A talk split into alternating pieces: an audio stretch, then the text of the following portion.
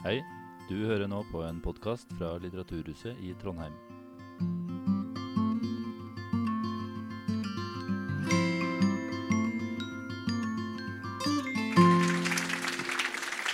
Velkommen skal det være til denne kvelden med Jostein Gaarder, der vi skal snakke sammen om selvets grenser. Det her er da et innslag i serien Grenser, som jeg skal bare kort si noe om, også for å reklamere og lokke folk hit igjen. Allerede neste uke så kommer Per Petterson til en samtale med tema 'Rapport fra en urolig sjel'. Uka deretter så kommer altså Dag Hessen og skal snakke om liv. Som for øvrig er en veldig sånn fin fortsettelse fra kveldens tema her. Og så må vi selvsagt da ha Ukraina og Sverre Loddgaard, som skal snakke om Ukraina, bakgrunn og framtidsutsikter. Og så får vi Linn Skåber, som skal snakke om 'Mens vi venter på noe godt', som er hennes versjon av 'Mens vi venter på Godot', og som nå går på Nationaltheatret i Oslo.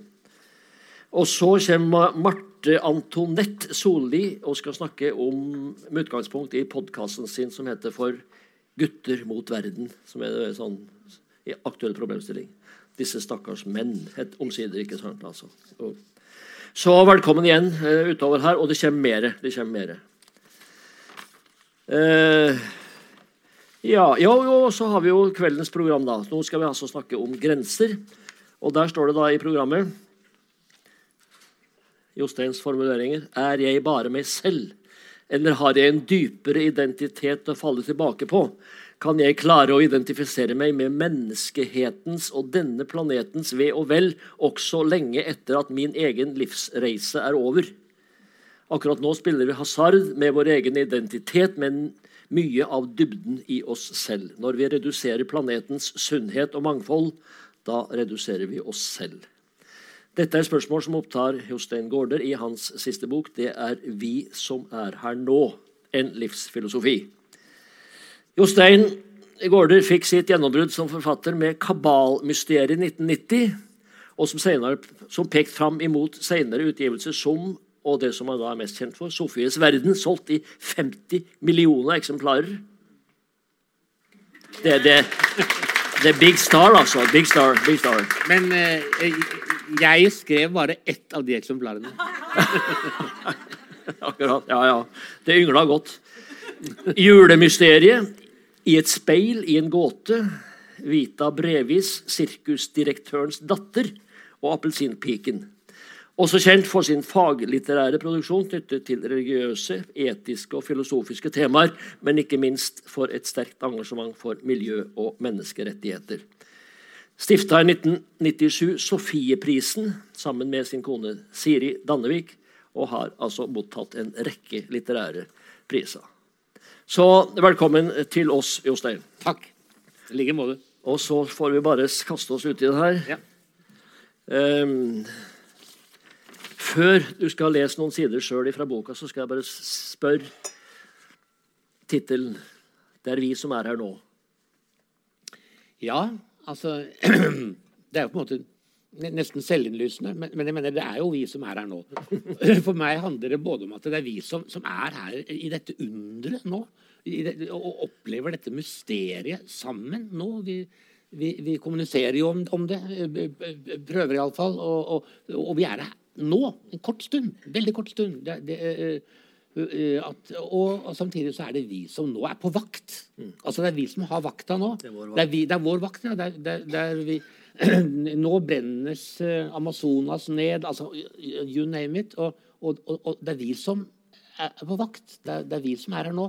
Hvis man i fremtiden skal høre om at uh, de og de uh, leveområdene eller de og de artene ble borte akkurat i de årene vi nå lever, så er det faktisk uh, litt vårt ansvar. Mm.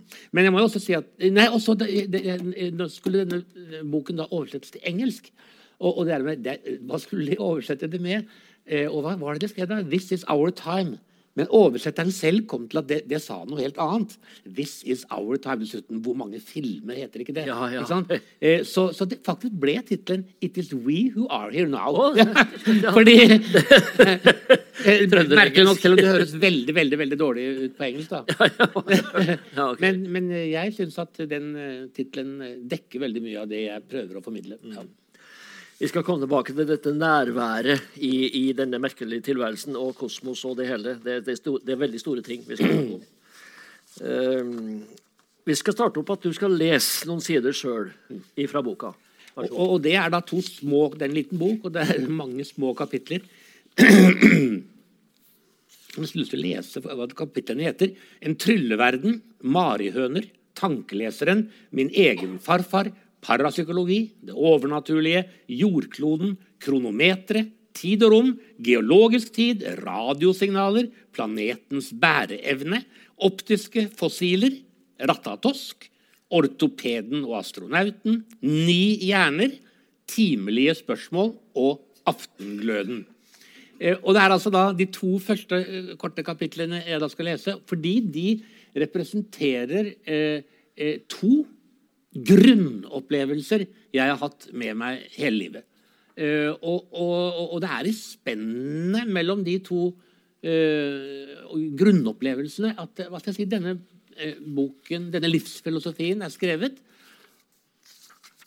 Og eh, dette kommer vi tilbake til.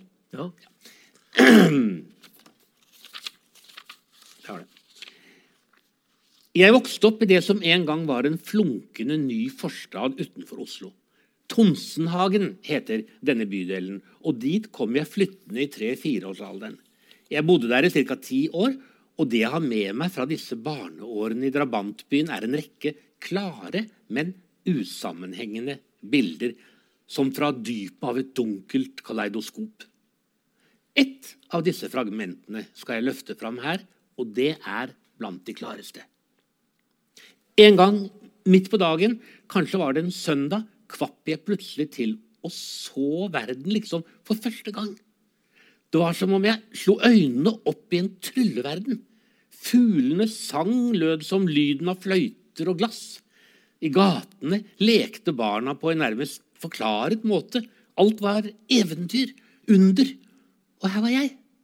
Jeg befant meg på innsiden av en dyp og inderlig hemmelighet i en gåte ingen kunne gjette, innkapslet i den som etter å ha forvillet meg inn i en annen virkelighet, en annen boble, med et anstrøk av Snehvit og Askepott, Rapunsel, Rødhette.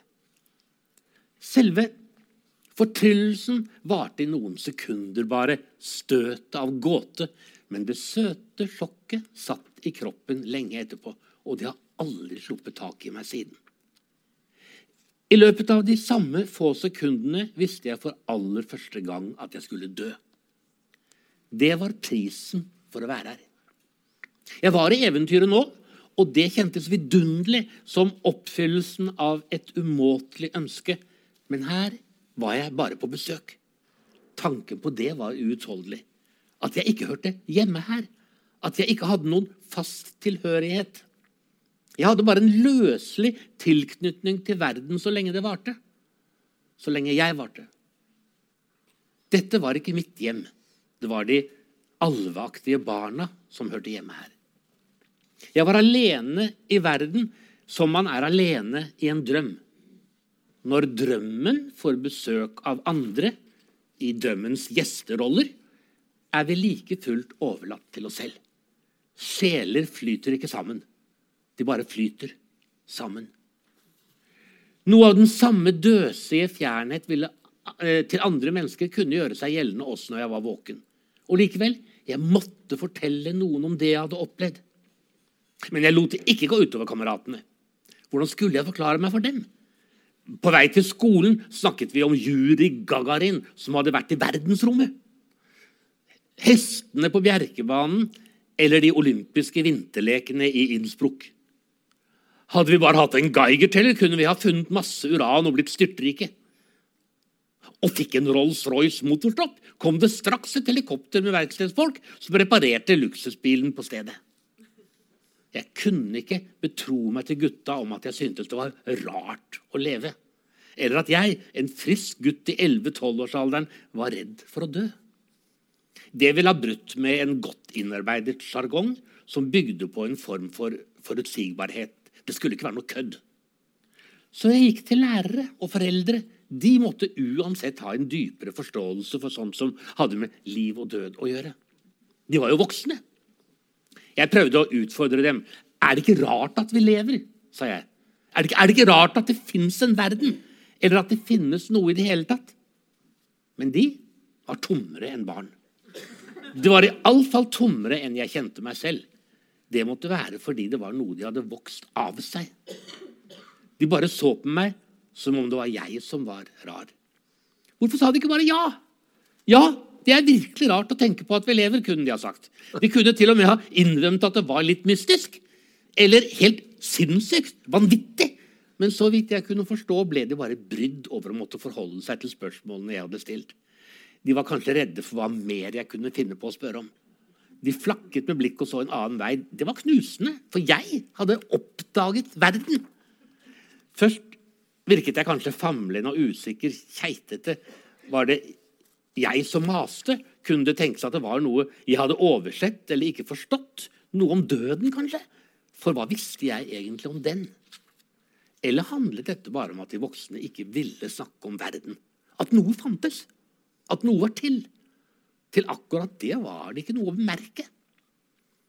Dette var på begynnelsen av 1960-tallet og kanskje i en tid da de fleste voksne ikke lenger var så sikre på om en allmektig Gud virkelig hadde skapt himmel og jord på seks dager. Jeg kjente godt til den historien. Vi lærte om den på skolen. Vi kunne ha hele den mektige fortellingen som hjemmelekse, og iallfall én gang med direkte fare for å bli hørt i leksen neste dag. Men det var ingen av de voksne som trakk fram den historien nå. Det jeg hadde spurt om, hadde liksom ikke med faget kristendomskunnskap å gjøre. Ikke Heimstad-lære heller. Ikke engang geografi. Det var bare upassende å spørre om. Omtrent som å be om svar på hvordan babyer egentlig ble til og ganske av seg selv begynte å romstere inni magen til mødrene. Det spørsmålet hadde jeg allerede tatt rede på. Jeg hadde funnet en illustrert bok bak de andre bøkene i bokhyllen, og det hadde gått opp for meg at splitter nye barn ble til i sine mødres liv på løpende bånd og av en unevnelig grunn. Men sånn var selve verdensordenen. Det var ikke noe å gjøre med den. Man måtte bare ikke røpe for barna nøyaktig hvordan det gikk til. De måtte ikke få innblikk i noe av dette spetakkelet selv. For barn tålte ikke børen av foreldres skam. Og jeg var ikke noe unntak. Jeg fikk aldri tilbake det samme trygge og hverdagslige forholdet til synet av en mamma med barnevogn etter å ha bladd i den boken. Men dette, hvor kommer verden fra, var liksom enda mer pinlig å stå i stuen eller på kjøkkenet og snakke med mor og far om i fullt dagslys. Jeg kunne se opp på dem og legge til, nesten tryglende. Så, så, så dere synes at verden er helt normal, dere, da? Det var da det toppet seg. Ja, verden er normal, ble jeg forsikret. Visst er den det. Helt normal. Kanskje ble det sagt med litt bestemt stemme, og det kunne føyes til. Jeg syns ikke du skal gå rundt og tenke for mye på sånt. På sånt? Jeg trodde jeg forsto hva de mente. De mente at jeg kunne bli gæren selv hvis jeg tenkte for mye på at verden ikke var normal. Foreldre og lærere mente tydeligvis at verden, altså den, i grunnen var helt alminnelig. Det var iallfall det de sa. Men jeg visste at om de ikke løy, så tok de feil. Jeg visste at det var jeg som hadde rett, og jeg bestemte meg for aldri å bli voksen. Jeg lovte meg selv å aldri bli en som tok verden for gitt. Mange år senere så jeg Steven Spielbergs film 'Nærkontakt' av tredje grad. Resonnementet bak eh, tittelen var at den som ser en ufo på himmelen, opplever nærkontakt av første grad. Den som ser fysiske bevis på besøk av aliens fra verdensrommet, opplever nærkontakt av annen grad. Og den som er så heldig eller uheldig å komme i fysisk nærhet av de fremmede, har nærkontakt av tredje grad. Ah, what then? Men da jeg gikk ut av kinolokalet den kvelden, slo det meg at selv denne siste Dette siste i grunnen ikke var noe å skryte av. Selv hadde jeg opplevd nærkontakt av fjerde grad. Jeg var et sånt gåtefullt romvesen selv, og jeg kunne kjenne det som en sitring i hele kroppen. Jeg har tenkt igjennom dette mange ganger siden. Hver morgen våkner jeg opp med en alien i sengen min, og den fremmede er meg.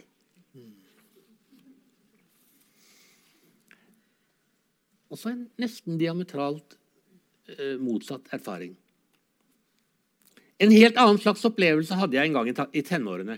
Jeg var alene langt til skogs. Det var tidlig på høsten. Jeg husker ennå rognebærene, klyngene av blåbæris og den svale røstlyngen. Jeg hadde våknet ute i lyngen i en grønn sovepose som jeg hadde brukt på alle turene med speideren. Nå var den epoken over. Hvorfor var jeg her? Jo, jeg hadde hatt noe å tenke på. Sånn var det. Det var noe vondt.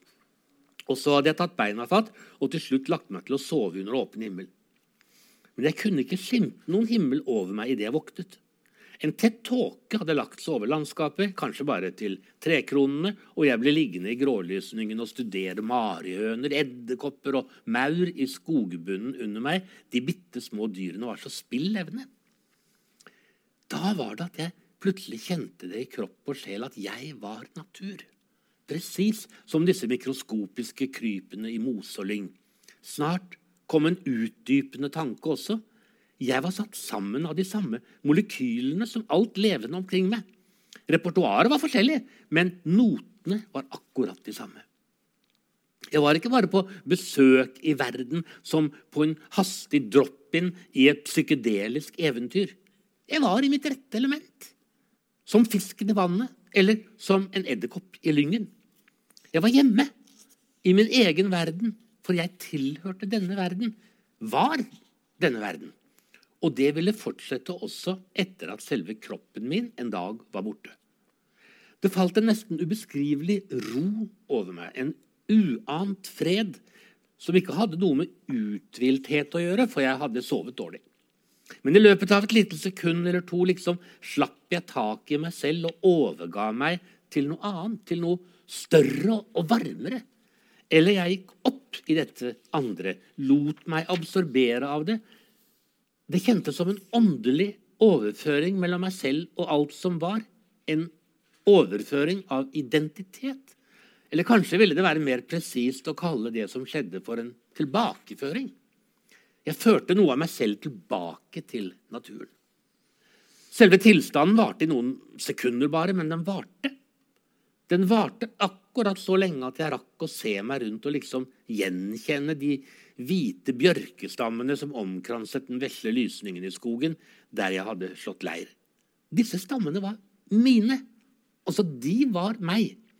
Og jeg følte et fjernt slektskap med de ørsmå krypene i skogbunnen.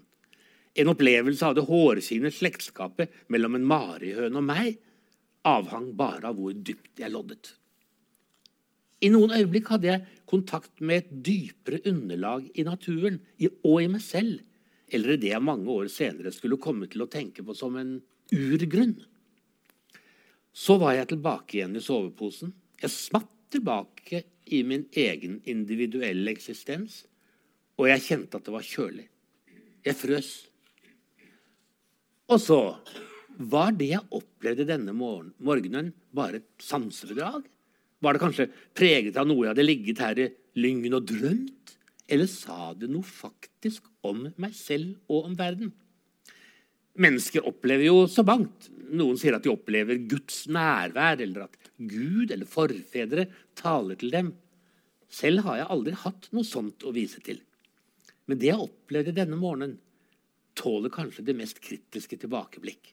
For er ikke en nærmest heseblesende individualisme like anstrengt eller påtatt som en mer løssluppen opplevelse av å være ett med alt, eller enda enklere bare å være?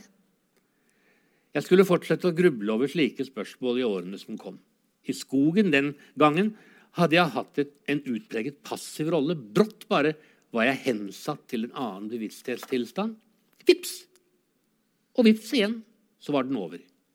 Men når jeg tenkte tilbake på det siden, slo det meg at selve vekslingen kunne foregå også på en mer aktiv og viljestyrt måte.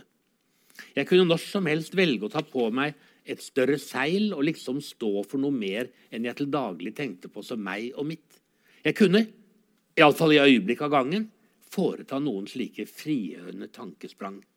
Jeg var ikke bare i naturen. Jeg var natur.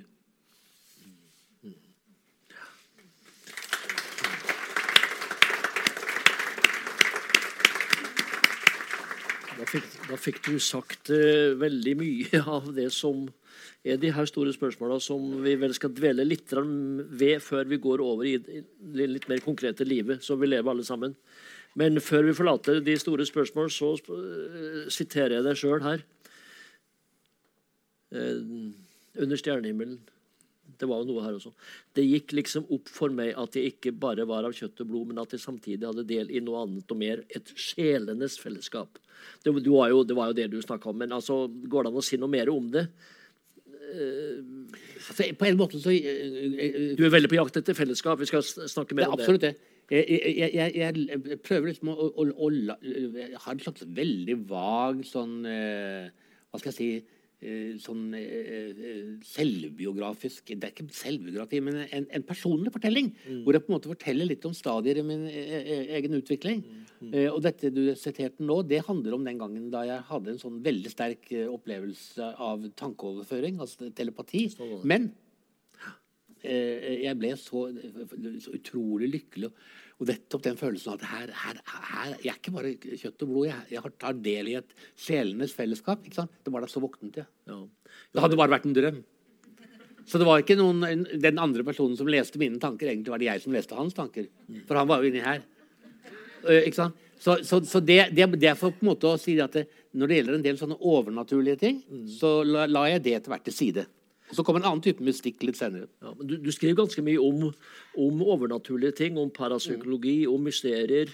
Og eh, jeg tenker vel også, fordi at jeg har blitt ganske opptatt av det sjøl Du skriver også mye om altså, verdensaltet, altså dette store allnaturen. Og jeg tenker også helt konkret, er det en slags vei vi skal gå nå i vår tid? Og, og du mener vende oss mot universet og den Ja. store gåten? Liksom. Ja, ja. jeg tror vi Men altså for det første natur og fellesskap i, i fellesskapet. Ja, da. Altså eh, eh, eh, Dette er et veldig stort spørsmål. Ja. Vi lever i en veldig veldig spennende tid. Altså Så sent som nå i jula ikke sant? Eh, Jeg husker ikke om det var andre juledag eller om det var en av disse andre dagene. Så ble det jo sendt opp et helt nytt romteleskop. Som faktisk altså da jeg mener vil på en måte eh, er generasjonen etter dette Hubble-teleskopet. ikke sant? Og vi vil, vi vil komme til å eh, forstå enda veldig mye mer av hva dette universet er. ikke sant?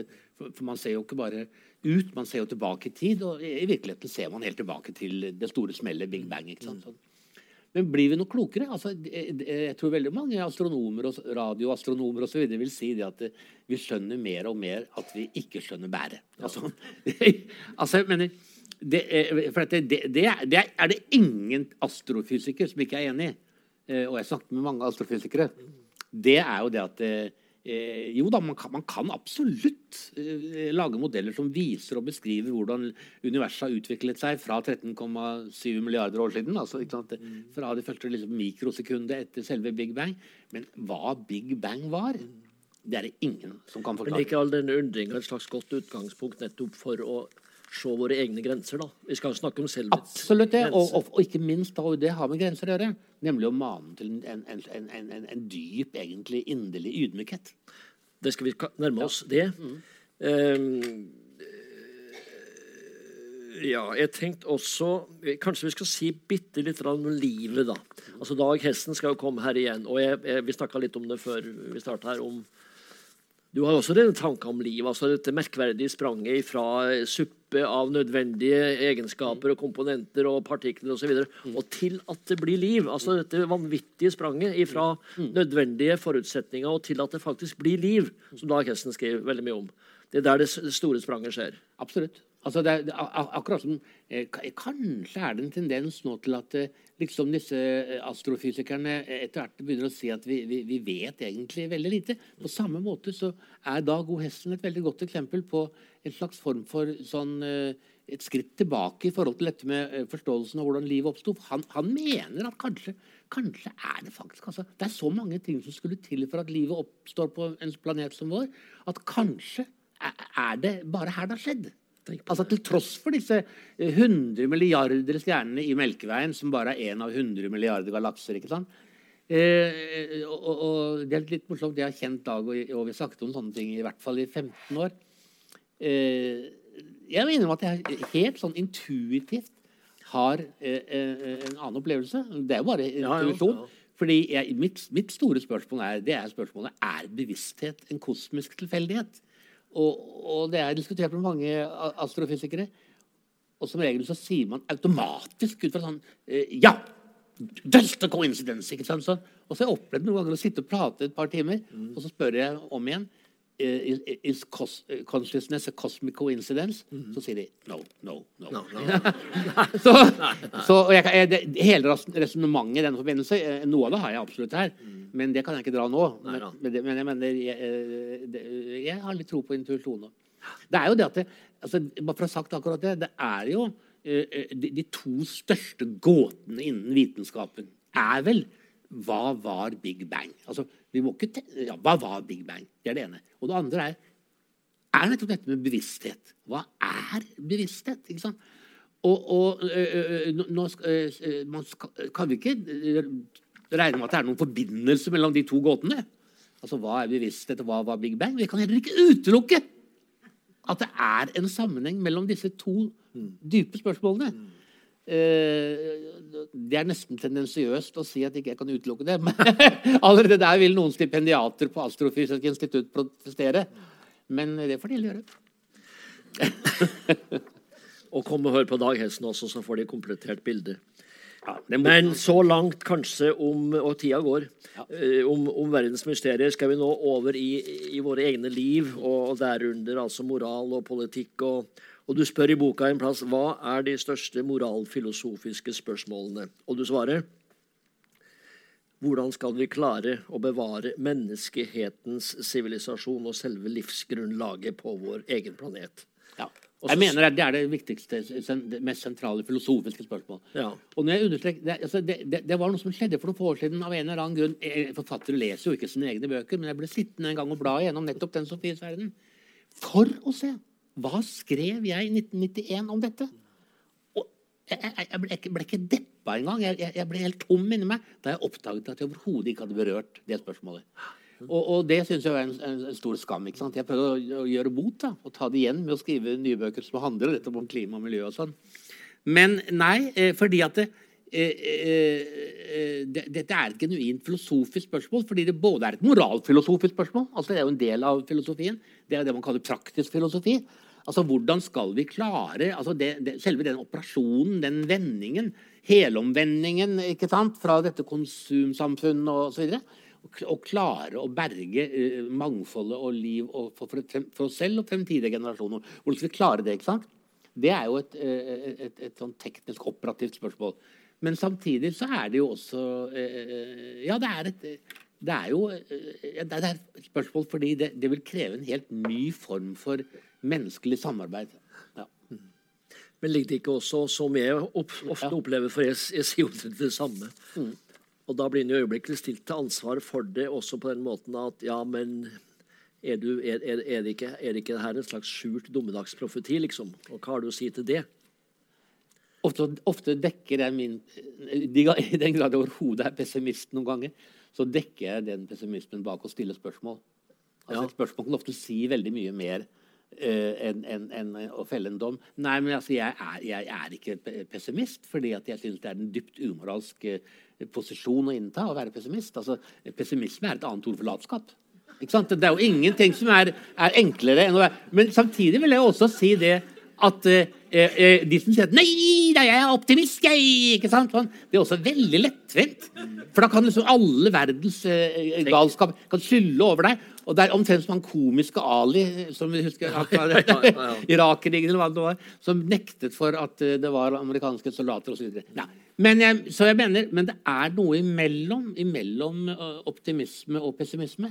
Og det er, det er håp. Og det er, en, det er en kjempende kategori. Det, der vi tydeligst ser det i dag, er kanskje i Ukraina. fordi, fordi altså, uh, Har man et intenst håp om noe, så kan man ikke bare sitte og se på. Da, da, uh, så Jeg, og når jeg sier det, så er jeg veldig ærlig. Altså, jeg mener at det, jeg, jeg har et håp, men jeg, jeg, jeg syns at det er dystre liksom, perspektiver i vår tid i, i forhold til oppvarming av hav og, og, og, og ikke minst CO2-problematikken osv. Mm. Vi, vi, leser jo det, det bare, vi, vi, følger med. Det går liksom, liksom litt sånn i Det blir sånn sakte film. Fordi det som jo vi, har, vi leser i, i, i Adresseavisen, Aftenposten osv., så sånn det som en føljetong. ikke sant? Er, og Hvis vi bare leser de siste fem årgangene, så, så, så ser vi jo det at det her det blir mer og mer og mer alvorlig. En gang så sa vi, husker jeg, at om vi har 30 år på oss det er, I dag ingen som sier det. Åtte år. Ja, det er 2030. Er åtte år. På klima. Og, og, ja, på klima ja. jeg har invitert noen ungdommer her som jeg ja. håper nå vil ta ordet når vi skal snakke sammen etterpå vår samtale. Så, så skal det for da vil jo det være liksom framtidsstemmene. Ja. Uh, ja. Og, og morgendagens stemmer. Morgendagens stemmer. Uh, da jeg liksom, til slutt tok med oppdraget på oppfordring å skrive en sånn livsfilosofi, og så skulle jeg for første gang i livet mitt bruke ordet 'jeg', altså første personlige pronomen. Eh, det har jeg brukt i mange fortellinger før, men det har vært et fiktivt 'jeg'. altså En sånn, ikke sant, en jeg-fortelling. det er noe helt annet. Men her var det jeg. Denne kroppen, altså. Og da tenkte, Jeg fikk det ikke til. Jeg bare eh, skjøv det bort. Men så kom jeg på det at jeg har jo noen barnebarn. Så jeg kunne jo skrive til mine barnebarn. Og ikke til mine barnebarn som de barn de er i dag, men til de barnebarna når de blir så gamle som jeg er i dag. Altså med andre ord til de som lever her på denne planeten på slutten av dette århundret. Fordi jeg stiller disse barnebarna en rekke spørsmål. For eksempel, hvordan står det til egentlig? Åssen er det nå? Åssen gikk det? Også, altså, tenk på Greta Thunberg-generasjonen. Eh, For meg er det maktpåliggende på en måte å få svar på det spørsmålet. Hvordan gikk det? Og bare å stille et sånt spørsmål kan jo mane til eh, aktivisme, egentlig. Ja, vi håper du får tilbakemelding, da. Det, ja, det, er jo det, det som er paradokset, for de vil aldri nå meg. Nei, Nei men du, du, snakker altså sånn Jeg, jeg snakka litt om det også her før vi uh, gikk hit. Altså, Du bruker uttrykket 'menneskehetens sivilisasjon'. Og så tenker jeg eh, at det, det, tenker jo du også. For det handler jo ikke bare om menneskets rolle, men det handler om hele naturens rolle. Og nå etter hvert så har vi jo fått denne litt sånn tosidighetene mellom klima, som jo først og fremst er et menneskets anliggende. Det er vår framtid. Mens altså det andre perspektivet er nat naturtap, mangfold, altså det voldsomme, mm. og som nå har kommet for fullt. Mm. Også i naturpanel, mm, mm, mm. Naturpanelets Absolutt. rapport ja. som tillegg til klima. Og den der tosidigheten der, altså menneskets rolle, vil jeg kanskje du skal si noe om? Mm. Ja, altså, eh, eh, jeg mener, Det er vi som er her nå. ikke sant? Eh, det, og i det ligger det et veldig ansvar. Men jeg mener, ikke sant? Jeg, jeg har møtt jeg på flere her har gjort. Jeg ikke minst i utlandet har jeg møtt sånne litt sånn New Age-aktige miljøvernere som, som, som, som, snakker om Gaia. ikke sant? Som jordkloden er, er jordgudinnen, kan du nesten si. Gaia. Det, det begrepet er helt med på, egentlig. For det er jo sånn ufattelig hvordan, hvordan, denne planeten klarer å regulere sin egen eh, atmosfære og osv. Men nå er Gaia syk. Hun, hun har fått feber. Eh, og eh, den temperaturstigningen, den feberen altså, den skyldes oss som er mikrobene som gjør Gaia syk. Mens, but soon she'll get rid of us. Altså hun vil kvitte seg med oss. Den er ikke jeg med på. Altså, jeg, jeg, er for mye humanist til å Det er klart at hadde menneskeheten sluknet, så ville mange steder naturen komme tilbake. Det ser vi jo veldig tydelige eksempler på. Tsjernobyl er et eksempel. hvor Hele gamle Tsjernobyl by blir jo overgrodd av natur. Og ville dyr kommer tilbake. Men eh, jeg mener at denne planeten er ikke den samme uten oss. Altså, jeg, jeg, jeg mener at vi er søren meg ikke bare banditter. Vi er også helt unike skapninger. Og vi, vi, det er ikke noe enten-eller. Vi må både redde leveområdene og junglene osv.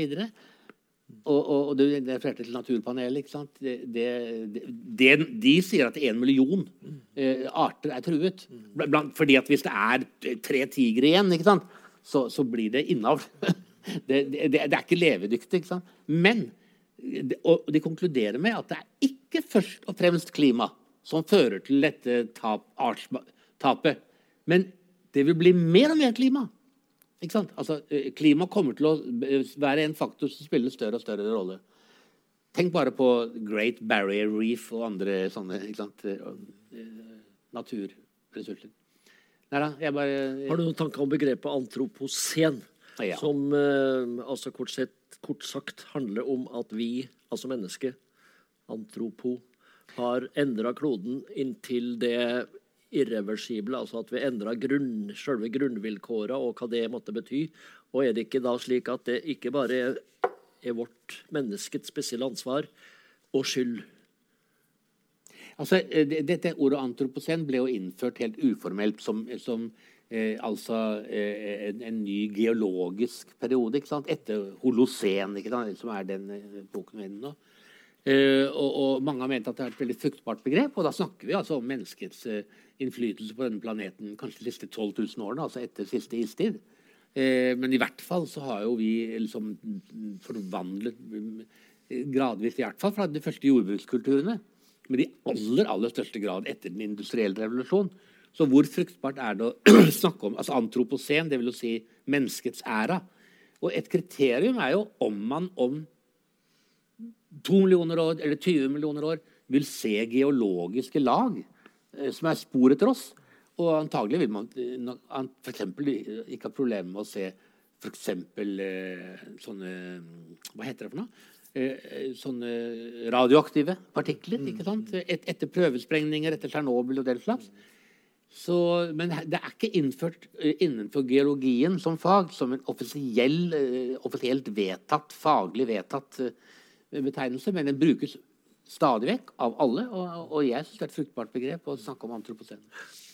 Um, og så må vi jo snakke litt da om, om politikk. altså det For det første er jeg veldig flink til å snakke om forholdet mellom det den enkelte kan gjøre her i verden, og det politiske på den andre sida. Liksom.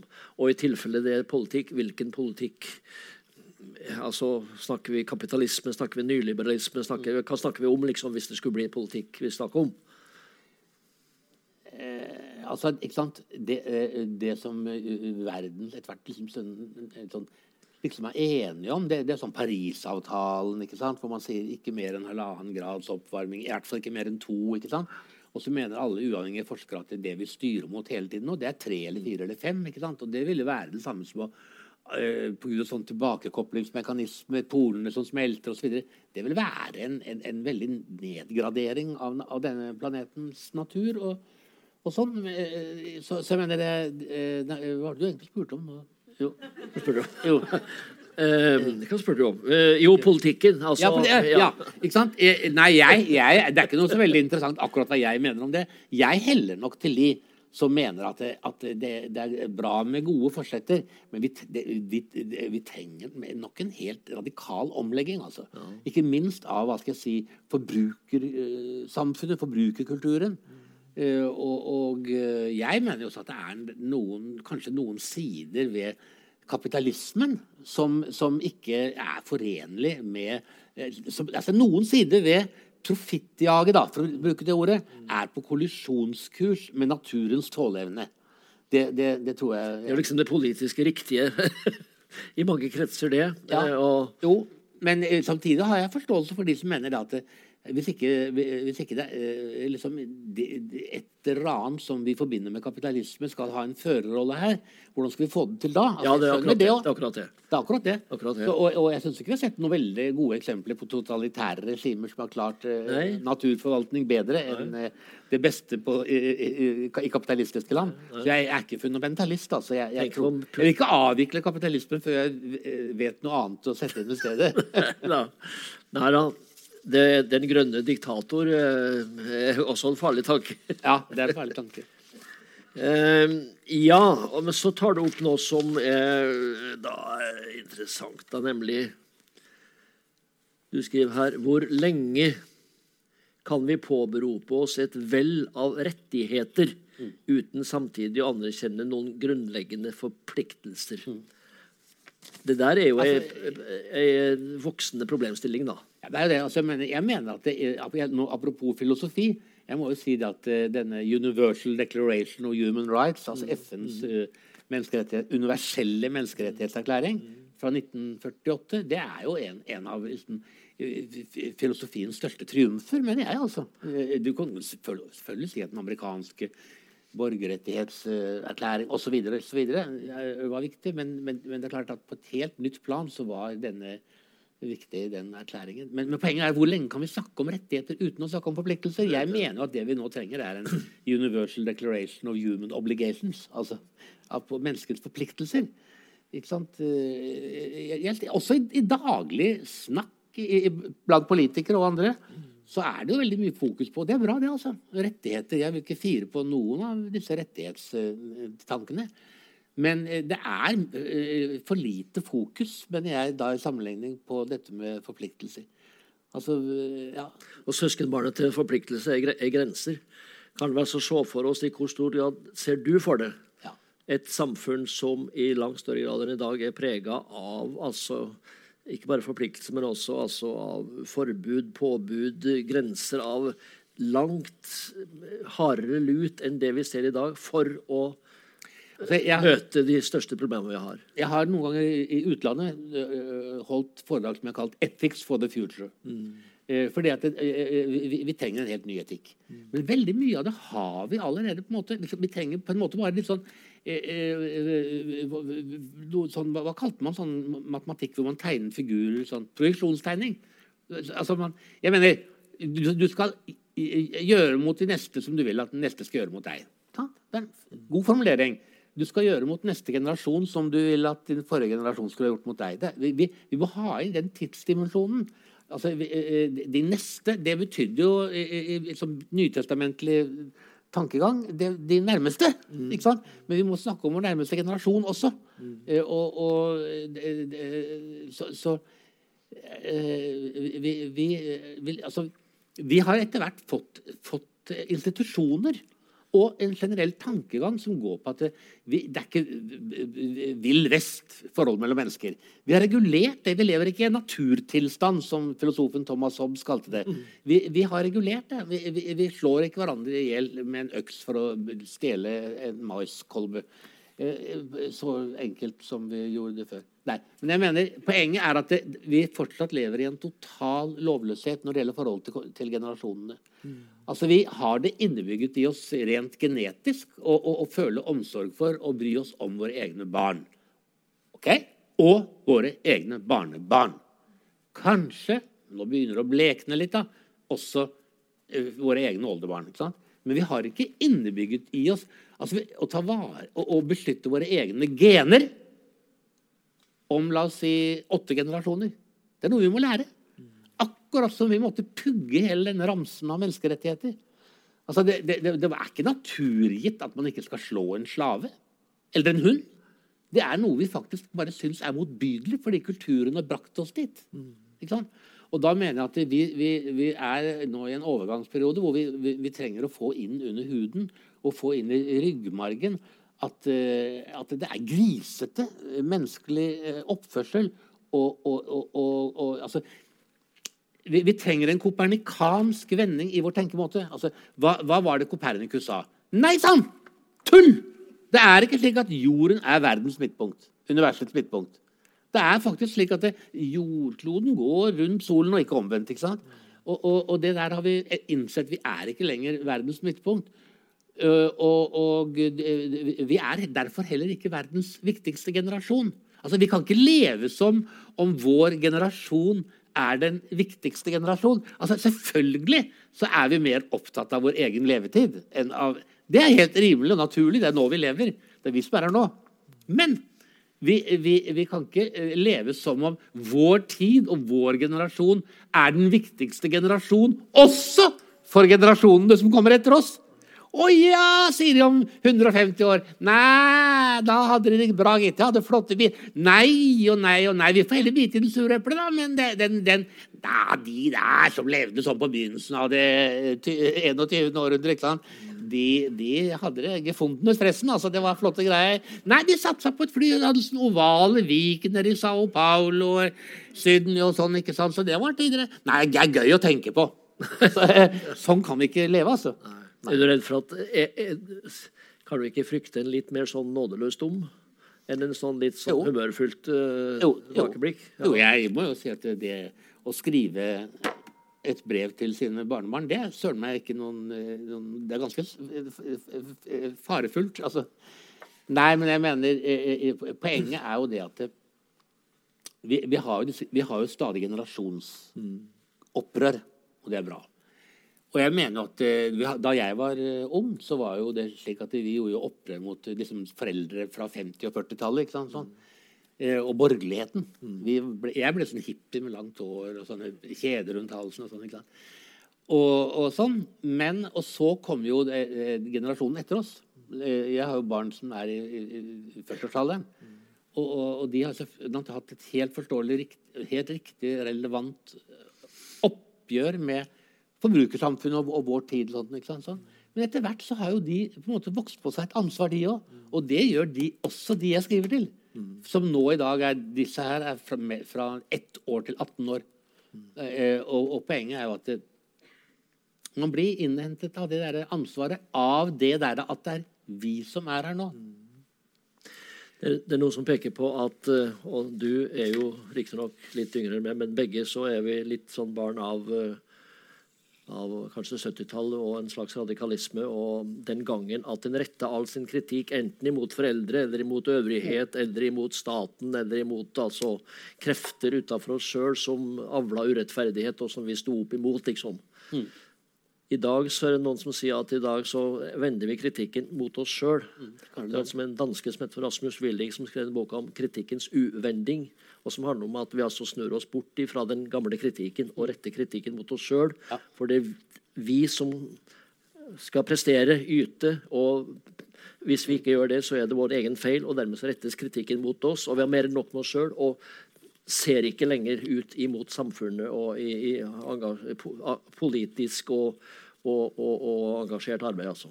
Ja, det, er- det der er du inne på noe ekstremt viktig, men ja, Altså, for det, vi kan ikke det, altså, det, de, det, det, klo, klo, til, Jordens tilstand eh, The state of the world. Altså, det det er, kan, er ikke et individualmoralsk spørsmål.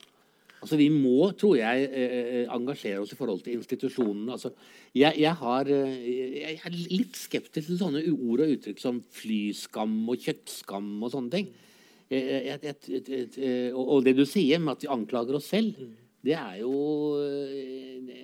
eh, er akkurat som jeg føler at vi opplevde før. Var det ikke noe som het pietismen en gang, for eksempel? Ja, ja. eh, Så jeg, jeg, jeg tror liksom at det, vi, vi må ha med oss en sånn eh, livsbekreftende eh, Men må vi ikke rett og slett få tilbake litt sinne? Få tilbake sinnet. Ja, Ja. må ikke det? Jo. Litt mer sint? Jo, det, det, det mener jeg absolutt. Ja, jo. Bare vi, bare vi retter sinnet mot rette instans. Det er jo det, da. Det er jo, Ja, det. Det er jo det, da. Men så har vi ikke snakka om demokratiet. For jeg var i ferd med å si her at, at det vil, vil flertallet på en måte i et demokratisk samfunn gå inn for den type endringer som vi snakker om? Det er ikke, det er ikke, det er ikke gitt. Altså, vi har jo hatt opprør nå eh, Forståelig, det må jeg bare si. F.eks. de der oransje vestene i Frankrike. Som handlet om at det plutselig så ble det innmari mye dyrere å leve. Og det samme gjelder for så vidt noe av velgergrunnlaget til Donald Trump. altså En av de ja, skumleste politikere jeg syns vi har opplevd i nyere tid. Eh, som nå skal eh, eh, gå, gå inn og vinne sitt tredje presidentvalg. altså mener det er, og, og som prøver å begå et statskupp. ikke sant? Men allikevel, eh, en del av velgergrunnlaget er eh, middelklasseamerikanere som har fått en veldig reduksjon i levestandard. Eh, altså Det føler vi har begynt å merke nå, det er jo eh, ressursknappheten. Som til en viss grad også eh, vil komme til å henge sammen med klimaproblematikk. Og, og eh, altså, jeg, må jo si at det er noe av det skumleste vi opplever altså, Her så spør jeg min, de som skal leve på slutten av dette århundret hvordan ser det ut? Det ikke, jeg spør ikke bare om øh, miljø og klima osv. Jeg, jeg tenker også på har vi fått noen signaler fra verdensrommet. Eh, vet vi noe mer om dette universets natur osv.? Og, så og også har det Jeg tør nesten ikke spørre mer, sier jeg. Men har, har, har det blitt en, noen nye store kriger? skrev jeg. Ja, ja. Og, og, og det, det ante jo ikke jeg svaret på da jeg skrev det. Nei. Så sitter vi her nå. Og så uh, opplever altså, Jeg mener det. det at en, en diktator i, i Russland altså, Det er ingen statsvitere som vil vil tvile på å bruke ordet diktator. For det er han. Ja. Eh, og, og, og som da altså, for å bruke litt sånn tyske ord og uttrykk, som, som jo foretar en anslåss. Det var det Hitler kalte det da han ville slå Østerrike sammen med Tyskland. ikke sant? Eh, og, eh, og, og, det, og, det, er også fordi at økonomien i Russland er dårlig. Det, er en del av bakgrunnen kanskje for at han får den støtten han får på hjemmebane.